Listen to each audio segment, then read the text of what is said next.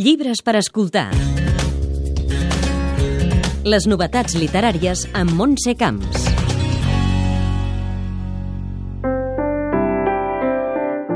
La italiana Donatella Di Pietrantonio, dentista de dia, escriptora de nit, ha aconseguit gràcies al boca-orella que el seu llibre, La retornada, hagi estat un èxit al seu país, amb més de 250.000 exemplars venuts, i ara arriba a través de l'editorial Duomo. És la història d'una nena de 13 anys que va ser adoptada quan era un nadó i que sobtadament retornen als pares biològics, una família pobra de la regió dels Abrussos. La nena, de la qual mai sabem el nom, es troba enmig de cinc germans més, en una nova i totalment diferent diferent realitat i intenta entendre per què l'han tornat a abandonar. La retornada és la història d'una lluita que posa de fons el debat de la maternitat i l'amor filial i nosaltres hem parlat amb l'autora.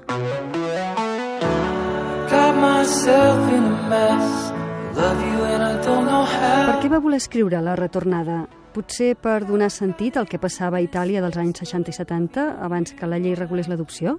Anche per questo per dare voce. Sí, una de les raons és aquesta, és la de donar veu, sobretot en aquests nens que naixien en famílies molt pobres, en famílies molt nombroses i que llavors eh, se'ls donava en adopció a altres famílies i es trobaven en aquestes situacions. Piè donar veu i potser també entendre una mica? Spero che sia anche quello, anche... Sí, eh, una de les raons és aquesta, perquè eh, també per comprendre, intentar comprendre, intentar fer comprendre també als lectors que puguin experimentar el que va experimentar també el que va sentir la protagonista d'aquesta història, que quan era eh, molt petita va ser donada amb adopció en una família, però després va ser restituïda a la seva família d'origen quan era ja adolescent. Piccola, ma viene poi restituita da adolescente.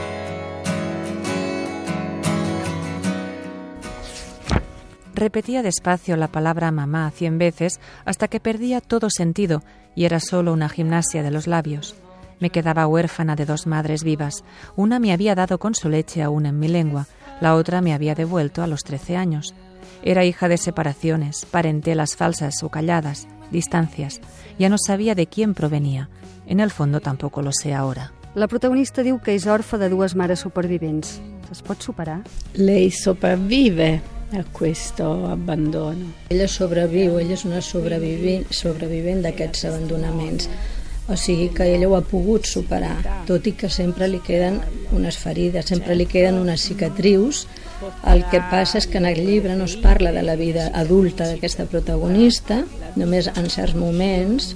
El que sí que es veu és que una de les conseqüències és que ella no pot dormir o sigui que ella no, no es pot abandonar, diríem, en, a, en el son degut a aquestes ferides i cicatrius tan profundes que li queden. al son, no?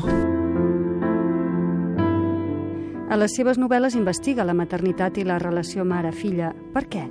Um, perquè eh, jo stessa... Uh, una mica és el reflex de la relació amb la seva mare. Va ser una relació també difícil, Eh, ella va créixer, va néixer i va créixer en un petit eh, poble, la seva mare era pagesa, per tant la, tot el dia es passava el dia al camp, fent les feines del camp amb els homes, quan tornava al vespre a casa es dedicava a les feines de la casa, feia de, de mestressa de casa, per tant ella no se sentia important per la seva mare se sentia en certa manera també com a abandonada, sentia la manca de, que li mancava una mare. La mancança. Escriure, doncs, és terapèutic per vostè?